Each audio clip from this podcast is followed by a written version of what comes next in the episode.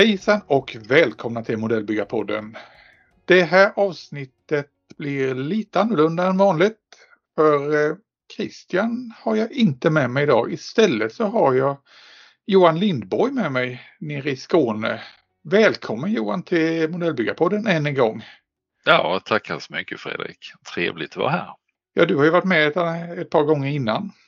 Och vi, är, höll på att vi håller på jämt och ständigt du och jag bolla idéer och tankar fram och tillbaka mellan oss. Ja, det, det ska vi.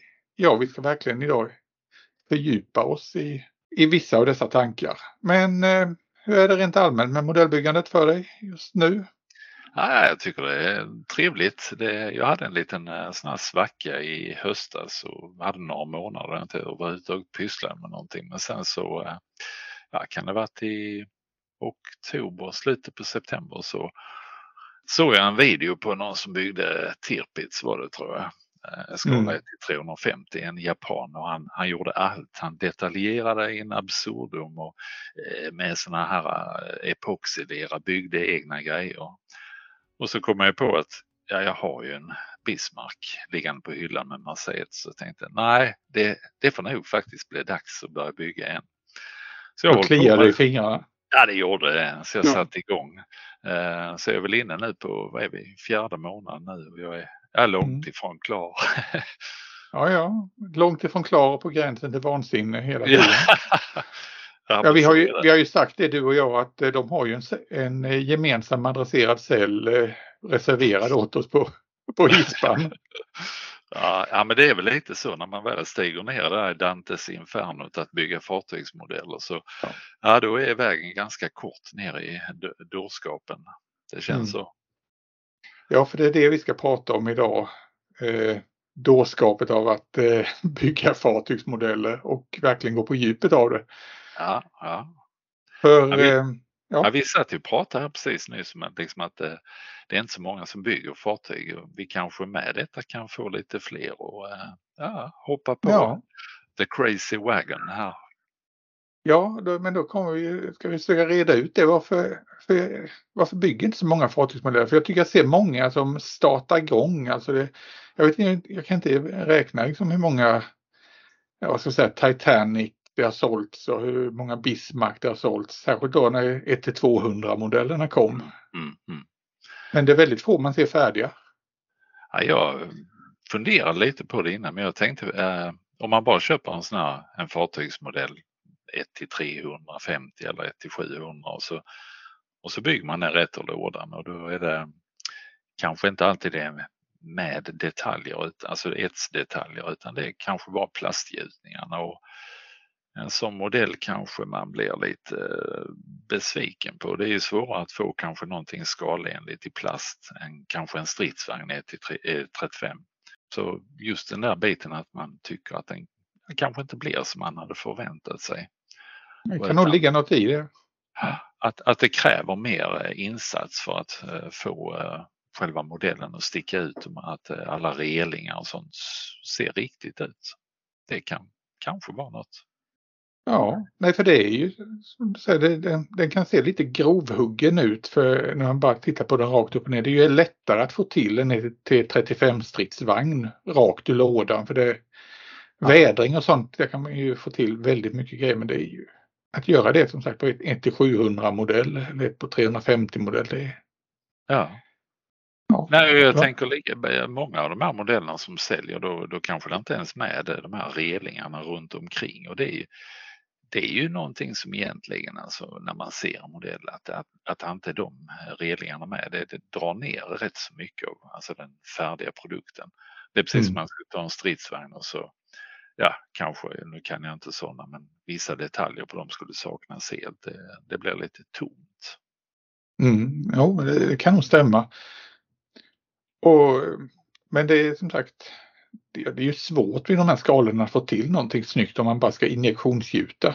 Ja. Det vet jag ju, jag köpte ju Bismarck IT 350 från Revel och de hade ju försökt fixa relingen där genom att injektionsgjuta reling runt om. Men eh, det räckte med att titta på det så insåg jag att nej, det där funkar inte.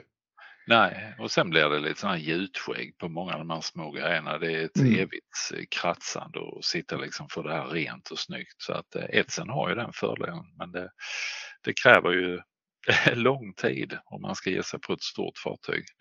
Du hade mm. ju din Liberty nu. Du hade ju också jättemycket ets du byggde på den. Ja, och det var ju som sagt det var ju en liten, det var ett litet fartyg som jag tänkte att ja, men det där gör jag under semestern. det tog lite längre tid än så. Ja. ja. Nej, men, du, eh, vad är en bra fartygsmodell? Om vi börjar liksom att när jag tänker fartygsmodell, mina första fartygsmodeller som jag byggde en gång i tiden. Det var ju typ gamla Rebel-modeller i någon konstig udda skala eller så var det Airfix 1-600 modeller. Det var liksom barndomen och de blev ju lite så, sådär. Men vad är det som gör en bra modell? Du hade köpt en riktigt bra AFV-modell här nu. Ja, jag jag hade ju köpt på mig en eh, sån här amerikansk, eh, först och främst en amerikansk Fletcher-jagare, mm. nu är till 350.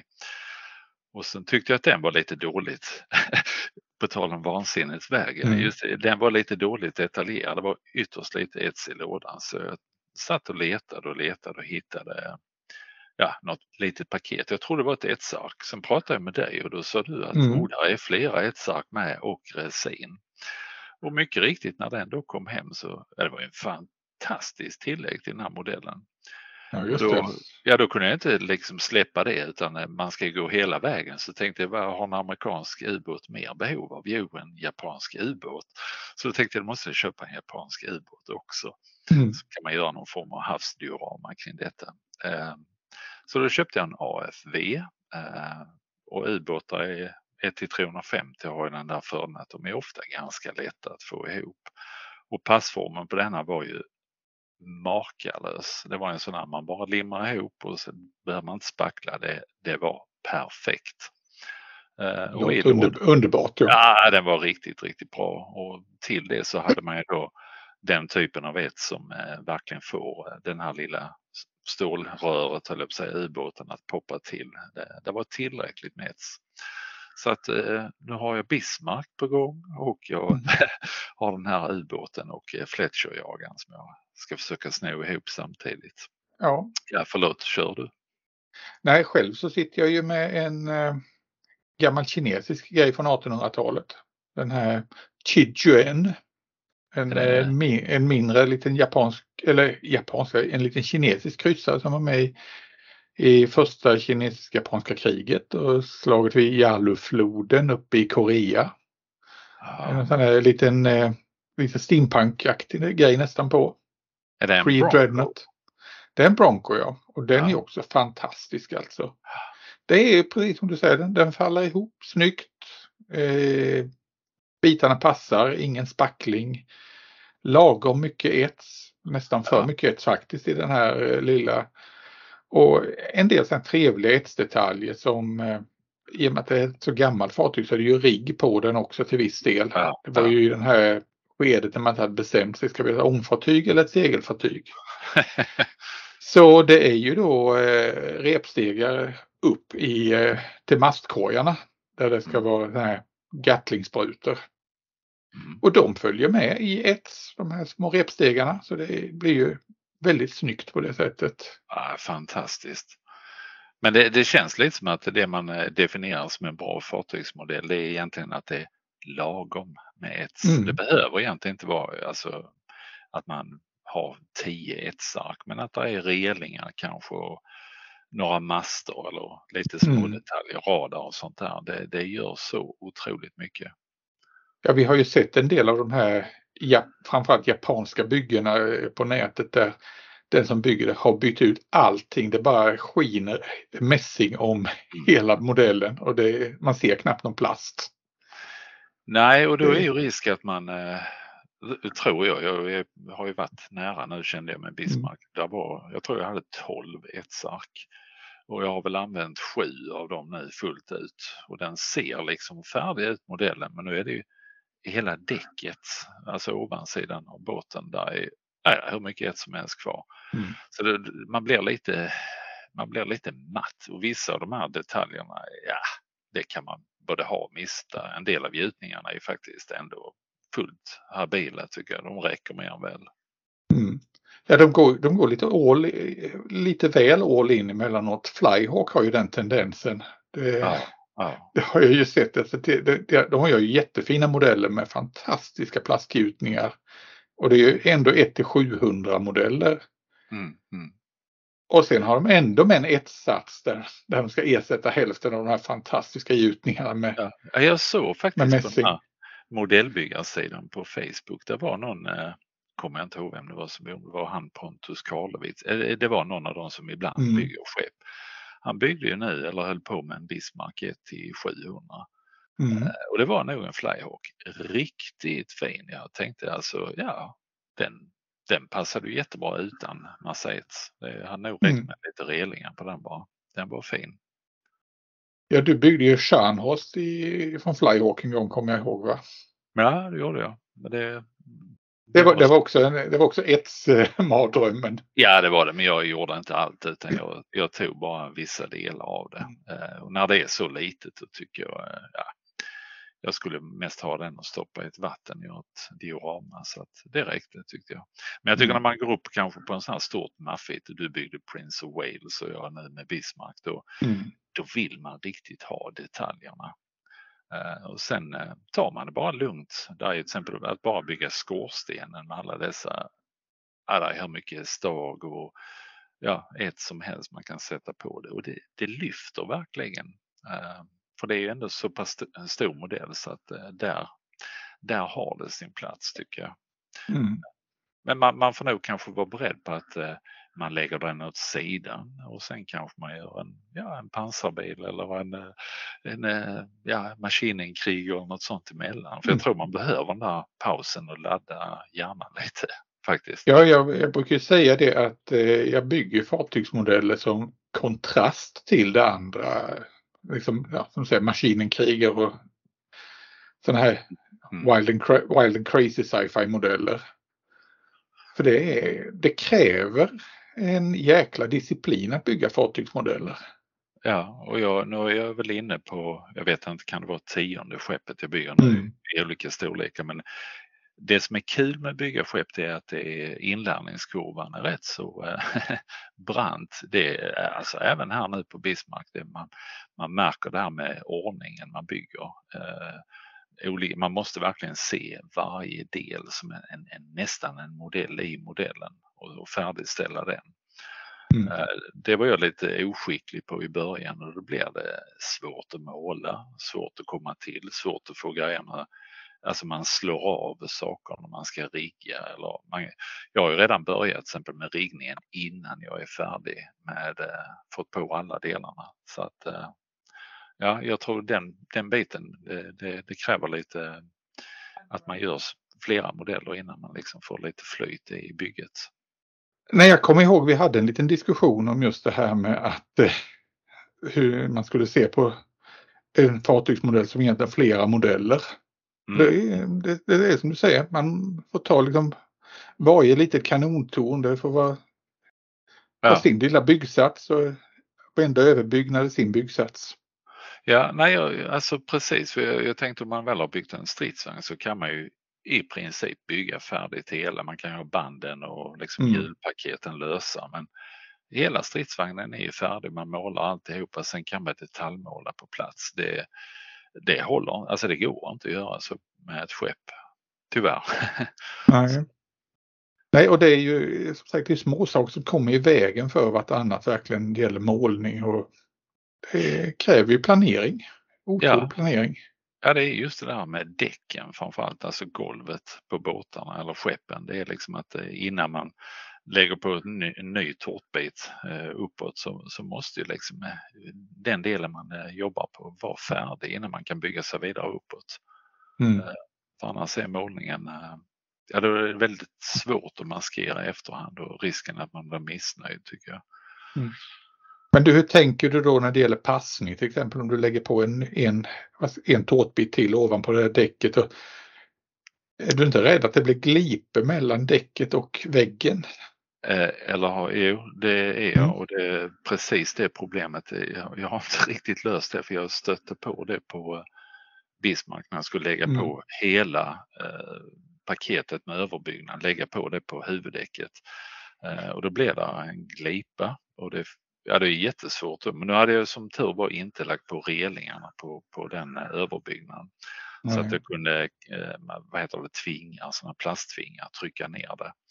Och så kunde man lägga sån här tunnflytande CA i skarven.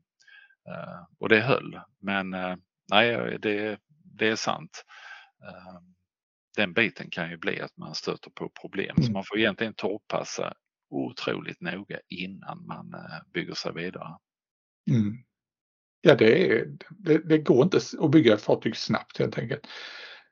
Men du, nu är vi inne på det här vi pratat om att vi detaljer hit och detaljer men ja, hur definierar vi egentligen superdetaljering? För det var det vi pratade om att vi skulle snacka om idag. Vad, vad är superdetaljering? När, när går vi över gränsen från ett vanligt fartygsbygge till ett superdetaljerat bygge? För det vill jag ju hävda att både du och jag vill superdetaljera.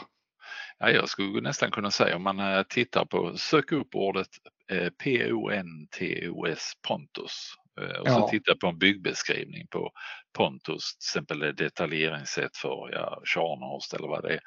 Då, då, ser man det här plastskeppet och sen glittrar det vackert i mässing precis mm. överallt. Så det är ju verkligen när man går all in och försöker alla de här små stag, eh, master mm. eller ja, vad det nu är. Eh, att man Ersätter allting som är för tjockt i, ja, i ja. plast med skalenligt tunna mässingsdelar. Ja, och jag tänker på det här med eh, artilleri, alltså bestyckningen på skeppen mm. också. Jag jämförde de här plastpiporna till huvudartilleriet på Bismarck, det var väl 38 centimeter. Så, så jämförde man det då med de här mässingspiporna svarvade eh, mm. som följde med. De, de var tunnare. Men, eh, och jämfört med de här då som var eh, gjutna. Men, men de såg väldigt, väldigt grova ut. Det såg ut som ja, 45 centimeters kaliber egentligen. Så att eh, jag tror mässingen gör att ett fartyg blir, eh, eh, det blir mer realistiskt. Mm. Det blir det. Ja, det sa, har jag ju hävdat innan att är det två saker man ska börja med när det gäller fartygsbygge så är det ju att försök på dit lite reling, för det gör väldigt mycket, och byta ut piporna på i alla fall det, det svåra artilleriet. Ja, Ja, jag tycker också eh, man tittar på luftvärnet, det beror lite mm. på vad man har för skepp. I Yamato måste det vara till exempel i japanska en mardröm där man har hur mycket luftvärnsbestyckning som helst. Och då är det ju liksom man måste klippa bort plastpiporna, mm. borra hål, gäller att ha små, små borr och sen då fixera.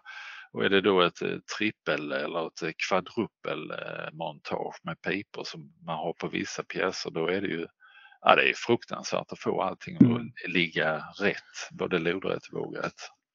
Ja, brittiska pompoms eller eh, vad har vi de amerikanska 40 mm Bofors som är ja, ja. kvadrupelmonterade. De är ju riktiga mardrömmar där. Ja, precis. Eh, Bismarck hade ju några sådana mm. fyra pipor på. Eh, och det, jag, jag, tror jag ägnade tre dagar till att bygga fyra sådana pjäser. Jag höll på att få fullständigt frispel. Men eh, det gick och när man väl får ihop det, alltså då är en otrolig tillfredsställelse. Och det, man, man, bygger man upp någonting bredvid, alltså som är bara i plast som när vi mm. är tänkt och modellen och jämför, det är det som natt och dag alltså, verkligen. Det är värt besväret tycker jag. Ja, Ja, det finns en annan sån här mardröm också. Det är, jag har ett par modeller liggande. Det amerikanska hangarfartyget Hornet och dess föregångare USS Ranger. Mm. Och de har ju hela sidorna är fullbestyckade med små 20 mm pjäser. Ja, oh, grattis! ja, och eftersom att jag har ju redan byggt sådana 20 mm som ja. eh, rena etsgrejer så vet jag ju liksom att oh, oh där har vi ja. mardröm. Men det blir ju skitsnyggt. Ja, det blir det. Det blir det. Uh, jag, jag tycker det är värt det och det det här det, det, är rätt roligt också men eh, när man ska jobba med detaljering så är de här eh, verktygen man använder. I början hade man ju bara ett rakblad eller två mm. stycken och böjde grejerna med. Nu har man ändå ja, sakta men säkert kommit underfull med vad man behöver. Jag vet inte vad använder du? För den tycker jag är, ska man lyckas så behöver man ju faktiskt saker som gör det möjligt. Ja, för det första är det ju en etsböjare och där använder jag gärna den här lilla kvadratiska. Den är väl, vad blir den, 5 gånger 5 centimeter. Jag har ju en stor också men ja, en, en, lit, en liten eh, som man kan klämma fast grejerna och sen med ett rakblad böja. Mm. Men det går i vissa lägen men sen har ju Tamiya ett par etstänger som är riktigt bra faktiskt. Ja. En större och en lite mindre och de kan man få ett väldigt bra grepp och nypa tag i bitar med. De är ju särskilt bra när man ska säga, fila av eh, lite ets. När man ja. har försökt, ja, när man ska jämna till bitarna helt enkelt. Mm. Då är de jättebra för att hålla. Ja, eh, och jag håller med dig. De, eh, det var nog faktiskt du som sa att jag skulle investera dem och det, framförallt den här, den smala, den lilla, var mm. väldigt, väldigt bra. Men du, då ska jag ta och eh, locka dig med ännu en grej. Ja, som jag hittade bra. från Tamiya.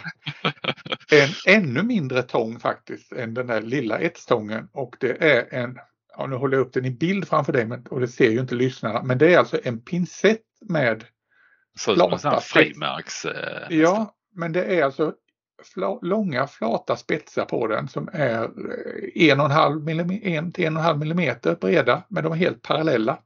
Ja. är den, eh, när man nyper ihop, ligger den platt hela vägen in? Alltså, den, ligger platt, den ligger platt hela vägen in och det är för att kunna böja riktigt små grejer. Det är alltså en, en speciell etstång från Tamiya. Var hittade du den?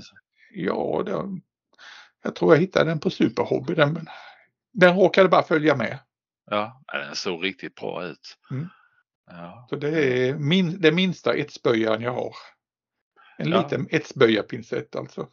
Ja, för just det när man kommer ner som du sa då 20 mm pjäser och ska böja någonting. Då har jag alltid fått använda de här pincetterna som är lite eh, ja, spetsiga bara. Mm. Det, det, är så lätt att man tappar grejen, att den bara far iväg. Så en sån där platt hade jag, ja, den kommer jag nog investera i riktigt mm. bra. Nej, annars som du säger, små pincetter och det är ju sådana små elektronikpincetter som jag använder. Ju, ja. De kostar ju inte så jättemycket. Men eh, de brukar vara bra. Ja, ja. Sen tar men... jag faktiskt med sådana, sådana elektronikpincetter och kör ett eh, lite sandpapper på insidan av det så det blir lite ruggad yta. Du har gjort så? Ja, jag har faktiskt, mm. Eh, jag tog eh, Tamiya-tejp och så slipade jag med det med ett, en fin eh, fil eh, bara för att mm. rugga upp den för att hålla det. Ja. också, och den, den funkar jättebra om du har eh, eh etsdetaljer som du har målat och så ska mm. du sätta dit dem. Och tar man då eh, den här etsprylen med en vanlig pincett då kan man ge sig den på att det garanterat tar bort färgen. Men har man liksom lindat ett varv Tamiya-tejp runt eh, pincetten så sitter färgen kvar om man har ett bra stabilt grepp. Det ska, nog ta, det ska nog ta att testa det. Ja, för jag har alltid lyckats eh, varje gång man ska montera relingar man använder en pincett. Ja, då har jag sådana färgflakes som har gått bort överallt. Ska man ja, det, är, det är standard att måla ja, ja, men det, det funkar jättebra. Jag tror inte haft en enda grej nu som det, där man behöver dutta i färg och sånt sen började med den. Så det var bara en sån här, tänkte jag ska prova och det funkade mm. jättebra. Ja, men, sen är, ja, fortsätt. Ja, jag bara tänkte när vi väl då har eh, tagit bort eh, saken från arket och eh, böjt den enligt konstens alla regler mm. så ska den ju dit. Ja. Och då är det där med limapplikator. Du hade ju din som jag, eh, den stal jag ju rätt av den här. Den ja, är, den lilla synålen. Ja, den är riktigt bra, det här nålsögat du hade klippt av. Den har jag använt jättemycket. Uh, och den, den, funkar ju egentligen till all ets, om det är till mm. pansar mm. eller det, det blir bara en väldigt, väldigt liten del. Ja, det är ett standardverktyg helt enkelt. Ja, och sen har jag kört rätt mycket med om man ska ha dit extremt lite. Då har jag använt bara en äh, gammal airbrush-nål. Funkar också mm. bra. Okej. Okay. Och sen, äh, ja, jag antar att du gör väl likadant att man äh, bränner av det här med en tändare bara när den blir full. Japp, det gör jag. Men eh, om vi då tar det här med reling, att sätta dit det, då har jag, jag brukar ju bara punktlimma relingen med CA och sen fyller jag i det däremellan då med eh, vitlim. Ja, och, och då, använd, då använder jag en vanlig eh, pensel, en tunn pensel, en nolla eller något sånt där. Och sätter en liten pärla med sånt? Ja, jag spär ut eh, trälimmet lite granna och sen ja. eh, istället för att sätta en pärla så drar jag helt enkelt en kant där ut med. Ja, ja. Ja, det är min nemesis. Jag har eh, mm. dratt mig noggrant för att sätta dit relingen. Men jag ska börja på det nu i helgen tänkte mm. jag. har eh, gjort färdig överbyggnad och nu har jag hållit på att böja runt, böja, böja så att man, eh, de, de är inpassade. Men jag måste limma mm. dit dem nu. Eh, men du hade ett bra trick där. Du hade väl tejp du använde för att hålla fast det? Va? Det, det har jag använt emellanåt, eh, tejp för att hålla det på plats. Mm. Om det är liksom svåra böjer. Det blir ju på det sättet när man försöker böja det. Antingen så böjer du för mycket eller för lite. Ja. När det gäller relning så är det ju lättare nästan på att eh, ja, böja lite för mycket och räta ut efteråt tycker jag i alla fall. Ja, precis. Jag håller med. Men eh, sen, sen vet jag ju på Bismarck, du, fick, du har inget trädäck där utan du har ju målat, eh, ja du målade skitsnyggt också, det här plastdäcket som var med. Annars brukar ja. trädäcket vara en räddning för då kan man ha det som kant. Ja, eh, jag håller med dig. Det var väl lite det som fick mig att fundera två gånger extra om jag verkligen skulle. Jag hade ett trädäck till Bismarck men eh, det jag fick med till denna var ja, det såg riktigt tråkigt ut mm. så att jag tänkte nej minsann jag, jag målar det istället. Uh, men sen har jag funderat mycket på uh, hur jag målade. Jag har satt tittade på färgbilder på ja, allt ifrån Cathy Sark och Pamir och man tittar mm. på de här skeppen smart teakdäck. Jag, jag, tror vi har en tendens alla att vi, vi gärna lägger på de här bruna däcken men uh, nästa skepp jag bygger ska jag verkligen, alltså det ska vara grått Alltså mm. grå, gråa, silvergråa nyanser. Så um, jag tror man, uh, ja, man, man tänker för mycket att det är trä och så vill man ha det där alldeles nylagt trä. Men mm. jag tror inte de såg ut så. Nej, de ska ju, det vet jag ju när jag har varit på museifartyg och gått där att de är ju nästan kritvita, eller som du säger silvergrå till kritvita för dem. Ja, Ja, för jag, jag, tänkte på när jag väl var färdig. Jag hade målat eh, däcket i fem olika mm. kulörer tror jag det var. Och sen hade jag lagt en wash på det och jag tyckte ja det blir ju, det blir ju jättebra. Mm. och sen satt jag och började titta på sådana här bilder av gamla museifartyg och kom på att nej, det var ju helt fel. Men nu ligger det där så nu får det vara så. Men till nästa gång ska det bli rätt. Tänkte ja. jag. Ja, men jag, jag gjorde så när jag och det var ju då första fartyget som jag hade ett ordentligt trädäck på. Jag hade bara byggt lite små, eh, testat lite på eh, sådana här Chibemaru-skepp innan, de där små mm. Mm. Ägg, äggskeppen. Men eh, då var ju Prince of Wales det första fartyget där, där det verkligen skulle bli riktigt skalenligt. Och där tog jag och, för jag tyckte också att det var jäklar vad det var gult. Det såg Ja, ja det ja. ut som en, en nyhuggen fura ungefär. och jag tänkte, nej riktigt så, det skulle nog inte britterna acceptera. Så jag tog ju och eh, la på, tog fram en färgsprutan och la på ett tunt lager med eh, vitt och väldigt, väldigt utspädd vit färg ovanpå. Så det fick den här lite grå tonen. Mm, mm. och det jag, gjorde jättemycket. Ja, jag, jag kommer ihåg ditt eh, däck. Det, det såg liksom eh, riktigt ut. Jag hade när det blir, eh, det blir skalenligt på något sätt. Eh, så att jag är lite besviken på mig själv att jag efter allt detta arbete med etsen eh, nu, nu går det liksom inte att göra det ogjort så nu, nu får mm. det vara så. Jag får väl föreställa mig att hon har precis fått ett nytt trädäck. Ja. Mm. Men du, när Men, du ska ge dig på uh, The Sullivans då, den här Fletcher-jagaren. Hur ska det... du göra där? För det, är ju, det är väl, var väl linoleumdäck på det? Ja, jag tror de är mörkblå. Jag satt och tittade på ja. det. Jag tror det är, jag vet inte om det är linoleumdäck över hela, men det är nog ståldäck ganska mycket. Mm.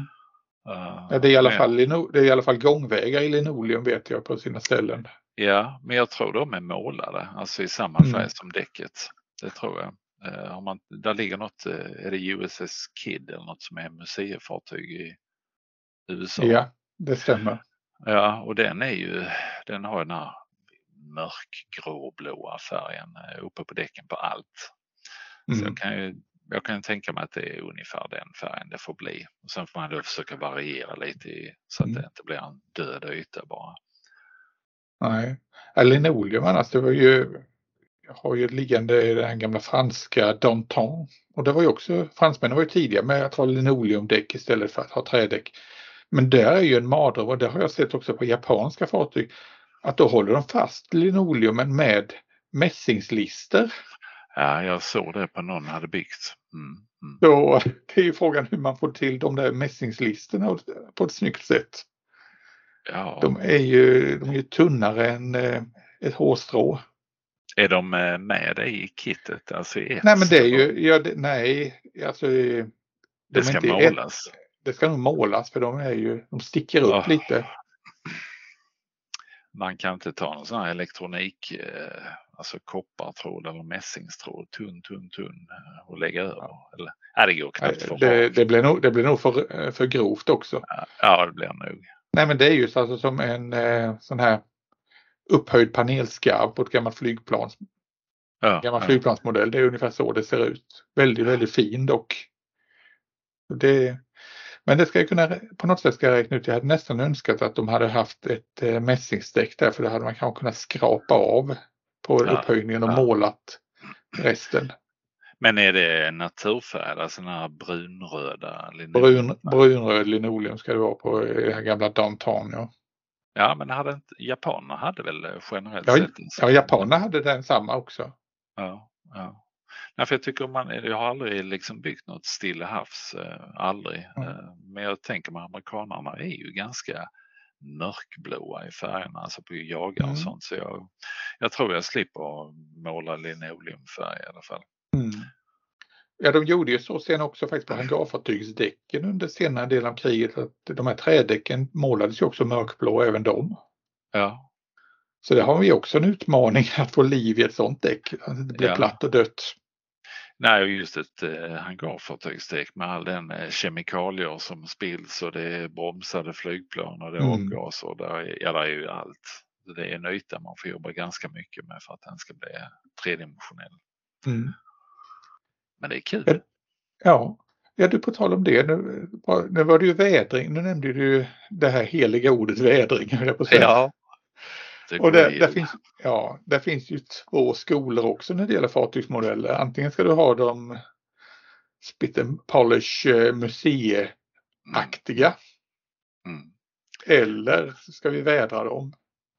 Ja, det beror ju på lite om man tänker. Alltså, ska man mm. ha den spit and polish om man tänker sig att du har då ja, vilken ska vi ta? HMS Hood, hon är fin, hon ligger där på redden mm. Eh, med paradflaggor upp och allting.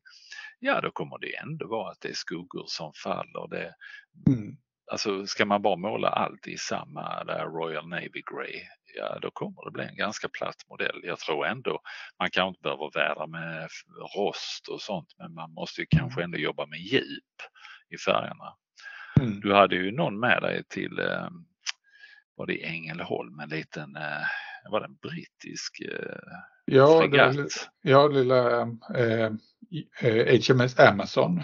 Ja, för det hade du jobbat med. Du hade liksom upp till på alla byggnader så var det samma kulör men det var ljusare. Sen gick det mörkare mm. ner mot däcket och sen var det nästa etage så var det ljusare och gick mörkare ner. Mm. Det var jättesnyggt. Ja, det var egentligen bara en klassisk sån här pre-shade som man har gjort på pansarmodeller som jag körde där. Ja, men då får man ändå att det ser mm. väl, välvårdat ut, eh, modellen, men mm. ändå ser det lite liv och djup i den utan att man då lägger på massa eh, rost och eh, algbeväxt, ja sådana grejer. Mm. Så. Den modellen var rätt så kul och det var en utmaning för själva modellen är ju den här, det var en 600 gammal Airfix modell från ja. början av 70-talet av Amazon ja. HMS eh, Amazon. Och eh, då fick jag ju tag på ett etset från Atlantic Models, vilket ju är en liten brittisk eh, cottage eller en garagefirma. Ja, ja. Men det är faktiskt samma kille som gör de här Atlantic som har gjort White, mycket av etsen som heter White Ensign. De ja, säljer de det. Fina. Så det är ju samma kille som har gjort mycket av grejerna. Ja. Och det, var extremt tunn ets alltså. Det var, det var fantastiskt på ett sättet men den var på ett sätt var den hemsk också tack vare att den var Ja. så tunn. Det, vänta bara, du fick ju en Bismarck av mig Ja. från Flyhawk. Det är på tal om tunn hets. Det är också sådana minsta misstag. Sen är det bara, ja, då får jag börja om. Mm. Men jag Ja, tänkte kan- på det. Jag, får, Ja. jag, jag bara tänkte på det när vi pratar etsmärken. Man har ju, Edward har ju ändå, det måste man ju faktiskt ge dem att de har ju alltså bra ets till väldigt många fartyg. Och det är inte heller liksom ett som är totalt overboard utan det är lagom. Och det, det ger en Mm. modell som är, alltså den ser riktigt eh, fräck ut. Den blir cool när den är färdig. Utan Ja. att eh, man behöver liksom lägga ner sex månader. Eh, det går hyfsat enkelt och deras eh, eh, beskrivningar hur man böjer och vrider på ett, det, det, det, det är nybörjarvänligt tycker jag. Det, det Ja, de, de, har ju, de har ju mycket bättre beskrivningar till exempel då White Ensign eller Atlantic och ja, många av de här. De har beskrivningar som man undrar, jaha, vem är det som har, vem på förskolan Ja. är det som har klitt, petat ihop det här med kriterna? Ja, här jag hade nu den här Pontus, där är väldigt mycket sån här, du, den visar att det är ett del B98 och sen eh, så visar de hur den ser ut färdig. Mm. Jaha, och då får man ju själv sitta och filosofera den här luftvärnspjäsen då, den här korgen som skulle fånga upp tomhylsor i skala 1 till 350. Hur ska den böjas? Den ska se ut så där. Ehm, så just där har Edvard en, eh, ja det är en riktigt trevlig bekantskap. Det, har man inte provat bygga fartyg och då, då kan jag rekommendera att man köper Edvard till. Mm. Det- Det blir snyggt. Ja, och de har ju faktiskt till och med då färdiga modeller. Eh, emellanåt så dyker det upp det, där de har tagit till exempel en eh, eh, hobbyboss-modell. Jag fick tag på USS Arizona Mm. och så tog ju Edward och kittade upp hela den här med ets, med resin, med mässingspipor och alltihopa till en komplett byggsats super, som var superdetaljerad. Ja. ja, men de är jätteduktiga. De gör det till flygplan. Man kan få med här Mm. bra- brasin eller vad de kallar det och man får Mm. eh, både ets och eh, resin eh, och mässingspipor. Det är fantastiskt bra företag tycker jag. Ja, och eh, det kan man, överhuvudtaget de här centraleuropeiska företagen är väldigt, väldigt duktiga på det. Eh, när det gäller pipor så föredrar jag Mm. faktiskt Master. Ja, de har de väldigt fina grejer. Ja, och jag tänkte på det, alltså, vissa av de här grejerna är svåra. Just om man, när man började med modellbygge så tyckte Mm. jag det var, då var man inne och tittade. Jag försöker handla mina modeller av svenska handlare överlag, men just när man kommer till tillbehörsmarknaden så behöver man ibland blicka utåt i Europa om det är superhobby eller plastikmodell eller något sånt där. Eller hitta på Ebay och sånt. Mm. För det är inte alltid man, eh, att man lagerför eller säljer de här grejerna i Sverige. Nej, det är ganska svårt emellanåt att få tag på de här tillbehörssatserna. Så att man ska ha lite större där man ska verkligen tänka att ah, jag vill ha en komplett sats till det här fartyget. Ja, Då kan det vara ganska knepigt. Det är, till exempel när det gäller pipor så vet jag ju att eh, de flesta fartyg, det är kanske det grövre artilleriet och det- svåra artilleriet. Då följer, Ja. då är det. Så skulle man ha, köpa en, eh, en Aber eller en eh, Master-sats då med det svåra artilleriet till ett vanligt slagskepp så följer det kanske med det primära och det sekundära, alltså de riktigt Ja. grova pjäserna och de nivåerna under. Men luftvärn och finkalibrigt, nej. Ja, och då blir det ju så himla fel man då kanske har en 15 centimeters Mm. pjäs som är väldigt, väldigt fin på Bismarck. Och så skulle man då sätta dit de här 37 millimeters luftvärnspjäserna som ser lika grova ut i plast som Mm. 15 centimeter. Så att eh, ja, det kan bli lite galet om man blandar och Mm. ger liksom mellan plast och svarvat mässing. Mm. Alltså då får man göra lite research faktiskt. Men det, som sagt, nätet är vår vän där. Ja, och jag, jag måste säga att det där är många där i Polen och jag har hittat någon också i Frankrike. Nu har jag glömt vad den hette, men de hade Mm. jättemycket sådana här eftermarknadsgrejer. Helt och fantastisk. Eh, om man beställer på måndagen så har man det alltså på ja, onsdag, torsdag. Otroligt Mm. snabba på leverera. Mm. Ja, för jag satt och räknade på eh, till exempel vad, när vi pratade om det här med finkalibrigt. Hur mycket man skulle behöva om man ska eh, fixa allt luftvärn på Yamato. Ja. Det blev, det blev mycket grejer där. Ja det blir det och det är sånt som jag känner, nej minsann. Det, det, det, det gick inte att lösa ekonomiskt. Det. Nej det kostar tre gånger mer modellen. Liksom. Men jag tänkte på någonting som man märkte när man byggde fartyg. Är man då satte de här relingarna i ett mm. och man uppgraderade med piporna så ger det ett fantastiskt bra intryck. Men det är alltid en grej som blir en sån här, ett, den hamnar i blickfånget och det är masterna. Ja. Ja, för de här masterna är ofta de blir grova. Eh, mm. Ser inte snygga ut när de är gjutna utan eh, om man då har tur och lyckas få tag på master som är gjorda av mässing. De är, ja, det blir det är enorm skillnad tycker jag. Det är lika mycket som de här etsen tillför på relingarna. Det, masterna gör också mycket. Men då, då ska det till sådana här saker som pontoset och, eh, eller flyhawk. För Edward, där kan du inte få tag på mässingsmaster och normalt sett en vanlig Bismarck det är svårt utan det är... Ja. Men jag köpte, jag var inne i en sån här liten hobbyaffär och hittade eh, mässings, eh, eh inte rör, vad heter det bara, alltså mm. tråd, tråd ja. tjocklekar. Eh, jag kom ju på det att vissa av de här de är perfekta. Man kan ju, även om de ligger mm. rullade på spolar, om man lägger det på ett plant underlag och så rullar man med en, ja, en träkloss ovanpå mm. så kan du få de här bli spikraka. Uh, och många av de här kan man ju faktiskt använda till bommar eller rån uppe på mm. masterna. Mm. Och det, det lyfter. Och sen kommer ju den fördelen också att när man ska dra alla de här trådarna till riggen, om man nu känner för det, då, då har ju en, en plastmast har ju en viss eh, böjlighet. Eh, medan ja. de, de i mässing, de, de är stabila. Det är inte mm. risk att eh, masterna böjer sig och det, alltså man råkar lägga det lite för hårt i spänn. Mm. Så det, det, är också någonting att tänka på när man detaljerat ja. kanske har metall i vissa av de bitarna. Ja, det finns ju alltså att köpa en del små rån och grejer som är då svarvade. Som då mm. är svarvade koniskt också. Och några ja. små master. Men om du ska ha de större masterna som huvudmaster till exempel till, ja, till ett slagskepp ja. eller liknande. Ja. Det går ju inte att få tag på sådär bara rakt av utan det, det får man verkligen leta efter. Ja, men just, då, då funderar jag just på det här också.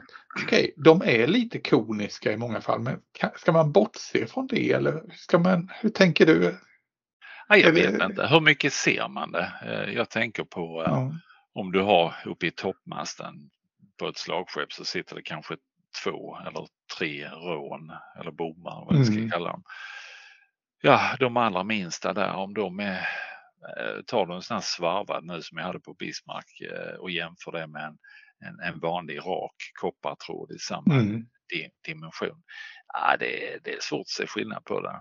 Du ser det om du verkligen skärskådar. Men går man mm. sen in och sätter kanske en fyra, fem eh, stag eller linor som går ner till bryggan och några som går till någon annan mast ja, då försvinner lite av den här, alltså att man ser att det är koniskt eller avsmalnande taperat.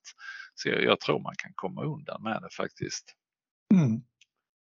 Eh. Ja, jag får, jag får, se när jag kommer till de här lite större pjäserna som jag ska ge mig på här framöver. För jag, det, det, det, det är ett litet dilemma som jag brottas med mentalt. Ja.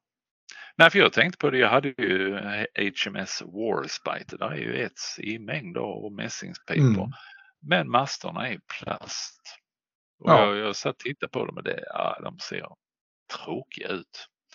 Och det, det är sånt som nästan nu när man, eh, ja, har man väl sett en sån här ets eller vad heter det, en, en mässingsmast, ett helt mm. arrangemang mm. med ets och mässing. Det, jag byggde upp för skojs skull eh, Bismarcks huvudmast i plasten.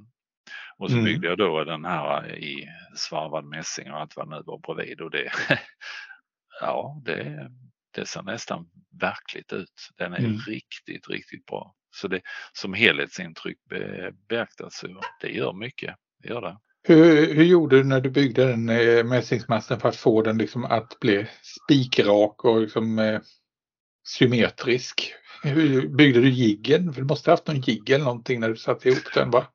Nej, jag byggde med ögonmått, tror du eller ej. Va? Oj. Ja, det, ja, det gjorde jag.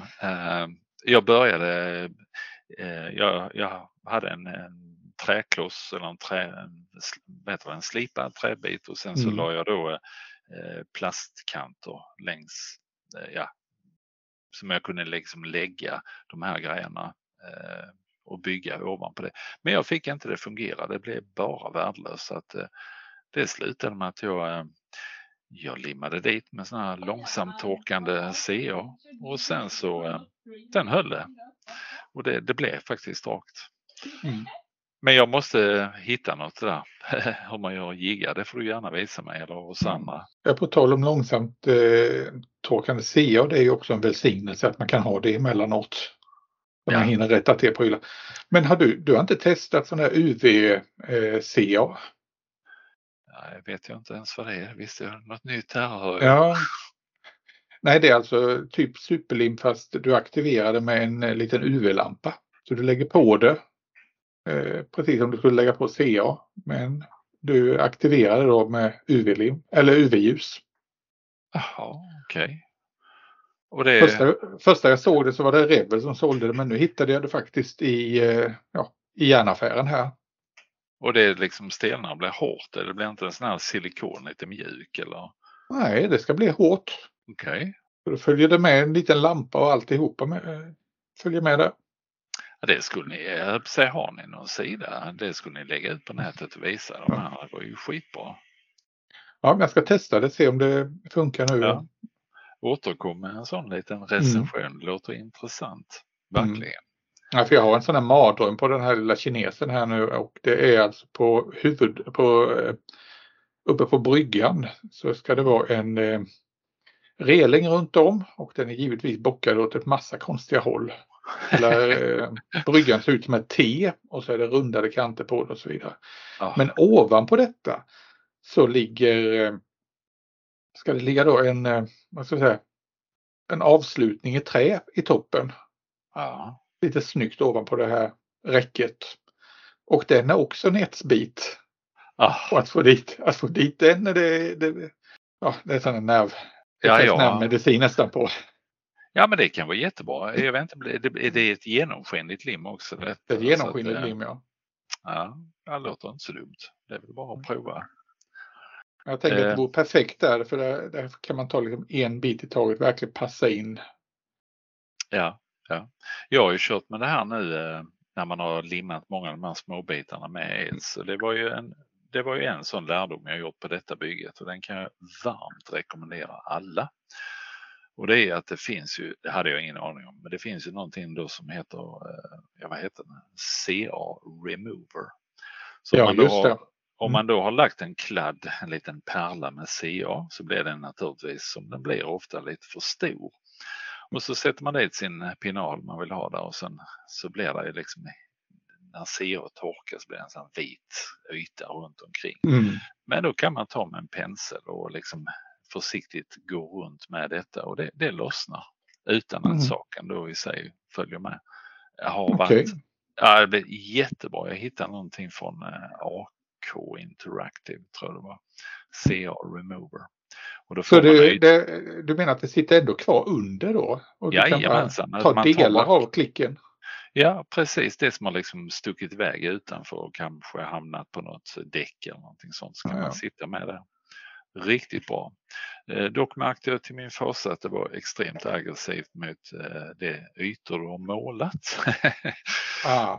Ja, precis. Så att hade man, eh, har man lackat det funkar det jättebra. Har man inte lagt ett skyddande lager lack då är det bara bye bye och så får man måla om den biten. Mm. Så det är ett litet sån här heads up på den.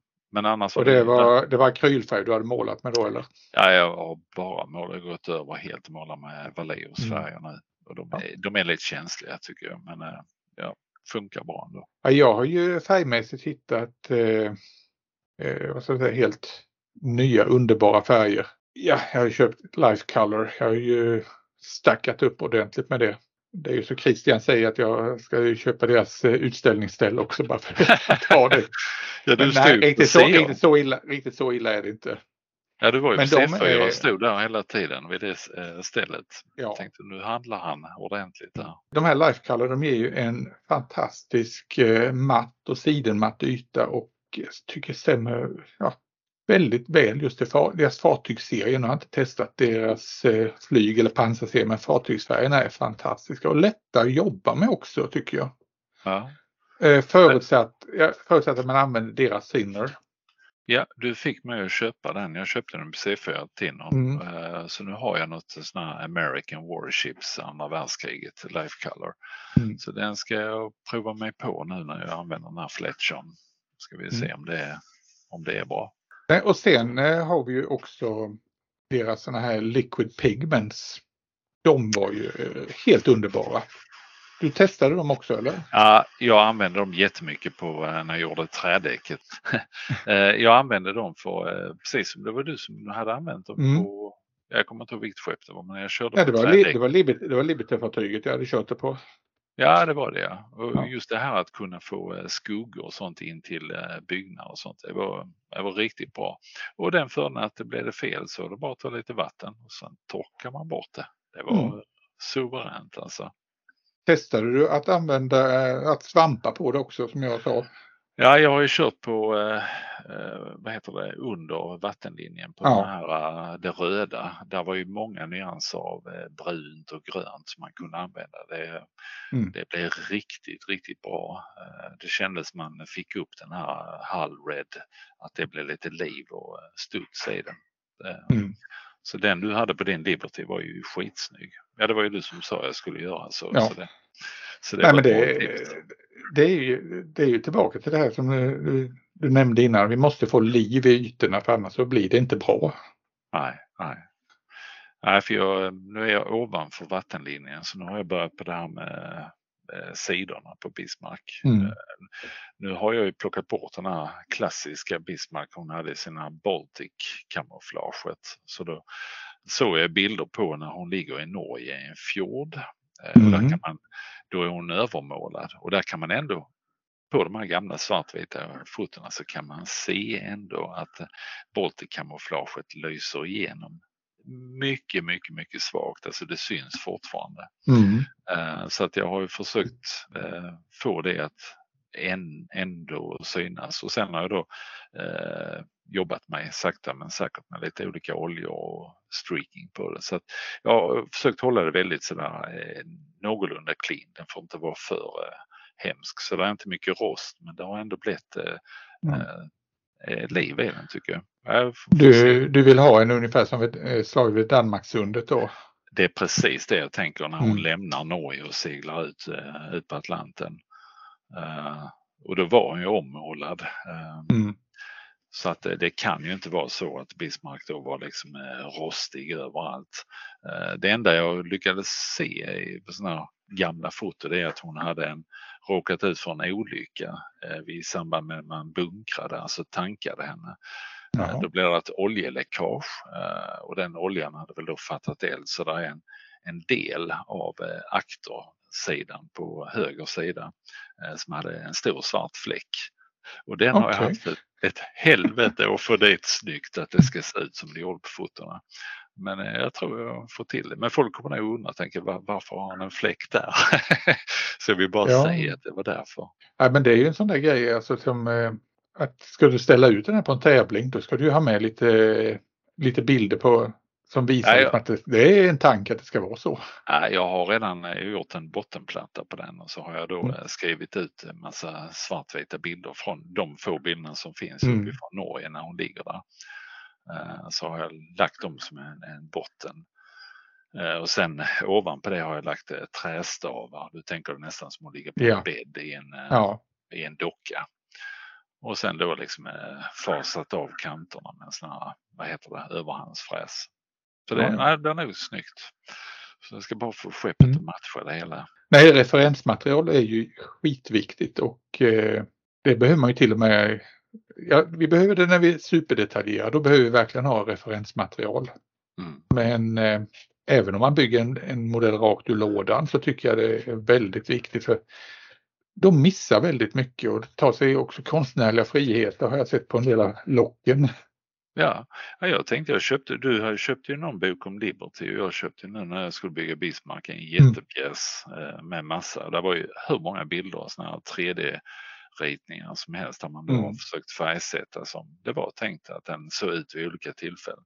Och där var ju skitmycket delar alltså som man tänker sig. Det finns ju inte med på eh, vad heter det, trumpeters färgbeskrivning. Eh, alla de här ventilerna till exempel till, du vet, ventilerna mm. man kunde titta ut genom. Det var en röd prick i mitten på varje en av de här luckorna man kunde fälla upp. Jaha. Så har jag suttit och målat små röda prickar överallt där. Eh, ja, men det är en sån detalj som liksom, det hade jag inte liksom Nej. hittat om man inte hade haft bok. Nej, och riggen är ju en sån här sak som det missar de ju alltid i byggbeskrivningarna hur den ska se ut. Jag ja, märkte ju det på Liberty-fartyget och det, det, den boken jag fick tag på där det är en fotobok då från eh, mm. de två Liberty-fartyg som finns kvar i USA som museifartyg. Eh, John W. Brown och Jeremy O'Brien. Det var ju, alltså, det var ju helt ovärderligt. För ja, då kunde jag ja. se hur funkade kranarna, hur var allting ihopbyggt. Ja, jag har skickat efter motsvarande här nu. För Jag ska också bygga en Fletcher framöver. För just där de har gått runt den, du sa USS Kid. Ja, och tagit bilder och liksom gjort ritningar ja. på det. Nej, för det är, och nu kan man kanske inte rigga upp ett skepp exakt som det var, men åtminstone att man får huvuddelen eh, korrekt. Det gör ett mm. enormt intryck på en färdig modell och framförallt om man då har för avsikt att ställa ut eller kanske tävla med det. Då tror jag sådana detaljer är viktiga. Ja, Sen, jag, jag tänkte, en annan grej också, vi, en, en sista grej, det var ju det här med när vi byggde artillerierna på båtarna. Mm. Jag tänkte på många av de här stora skeppen hade ju, jag vet inte vad det kallas, men eh, där, där själva eldröret möter kanontornet så var det någon form av, eh, ja kan det vara ett gjutväv eller någonting? Ja, alltså, en, av... någon skyddande säck där. Ja, och den mm. brukar ju aldrig finnas med. Men om man uh, köper sådana detaljset med pipor så är det ibland med sådana här i resin. Mm. Och det, det gör ju jättemycket. Det blir himla snyggt. Man kan måla upp de här ja vad kan det vara, skinn eller gjutväv eller någonting sånt. Man jag, tror det är, jag tror det är, det, jag tror det är någon slags säckväv till, till alla ja. de här säck, skydden.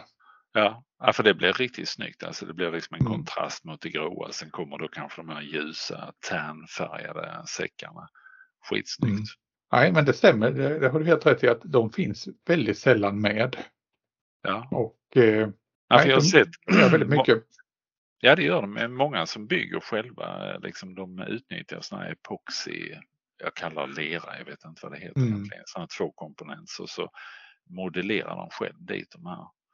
Ser lite, jag har inte vågat prova mig på det men det, det gör faktiskt rätt mycket för eh, huvudintrycket. Nej men det är så också tack vare att det kommit en massa resindelar och 3D-printade delar så det, det, har ju revolutionerat eftermarknads, eh, eftermarknadsbitarna ja, ja. när det gäller just fartyg. Ja, och där tror jag vi har en lysande framtid eh, för oss. Jag mm. tänker på alla vi som svär och brottas med etsen. Där är många fartygsmodeller idag man kan köpa eh, de här Bofors pompom-arrangemangen mm. färdigprintade och de är ju makalösa i detaljerna. Mm. Så det tror jag, jag tror snarare det kommer att bli mer och mer eh, eh, ja, någonting för modellbyggaren än bara den här mm. etsen. Ja. Nej, det var ju från Master. Jag köpte ju sådana här 40 mm Bofors som amerikanska eh, kodpjäserna som, ja. som är på bland hangarfartygen. Och ja. eh, det var ju hela, eh, hela lavetten, den var ju 3D-printad. Och sen var det ja. mässingsrör till det. Allting färdigt är ju hur enkelt som helst att hantera det. Ja, och det ska man vara ärlig, det blir faktiskt snyggare också än eh, fotoetsen. För fotoetsen har ju, det är ett levande material som ska böjas en hit och en dit och risken är ju faktiskt stor att man gör något fel någonstans. Så det, det syns ju lättare. Så de här 3D-printade grejerna mm. tror jag kommer, jag tror faktiskt de kommer revolutionera just fartygsbygge. Har det en plats enormt mycket. Ja, Nej, för det, att eh, vika ihop en eh, däckslåda till exempel och få skarvarna snygga eller hörnen snygga, det är svårt. Ja, jag satt också med sådana och tänkte ska jag eh, liksom lödda, försöka få in en löddskarv eller ska jag fylla med sia? Det, det blir inte bra alltså, så det slutar med att många av de här däckslådorna har jag valt att jag kör med de här vanliga plastgjutningarna. Men, mm. en, men en 3D-printad resinlåda hade ju varit en perfekt lösning. Det tror jag. Ja, du, vi skulle nog kunna sitta och prata en timme till om det här men ja, vi, ska väl, det. vi ska väl bespara folk. Ja, jag tänkte det. Vi folk kommer självsvängning här. Ja. ja. Nej, men alltså vi kan väl säga det att har man inte provat att bygga en eh, fartygsmodell med ets och så vidare utan känner sig liksom att det här är skrämmande, var inte rädda. Testa men och Nej. låt det ta tid. Det är väl bara ja. det. Då fixar man det.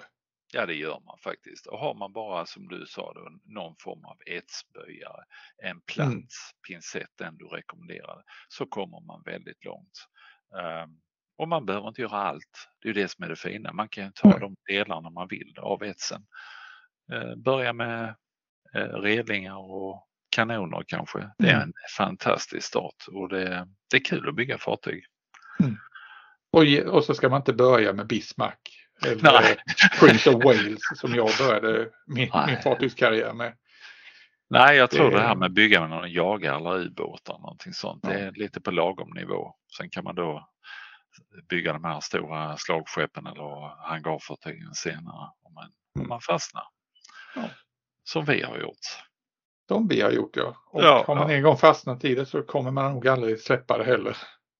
Nej, jag tror det, för det är det, alltså just den utmaningen och den glädjen man känner när man lyckas få till någonting. Mm. Alltså, jag tror man som modellbyggare så gillar man just de här mikrodetaljerna. Det är något speciellt att se det, ehm, att leva sig in i det och därför, ja, nej, det, är, det är spännande att bygga fartyg. Mm. Det är ett eget väsen. Ja.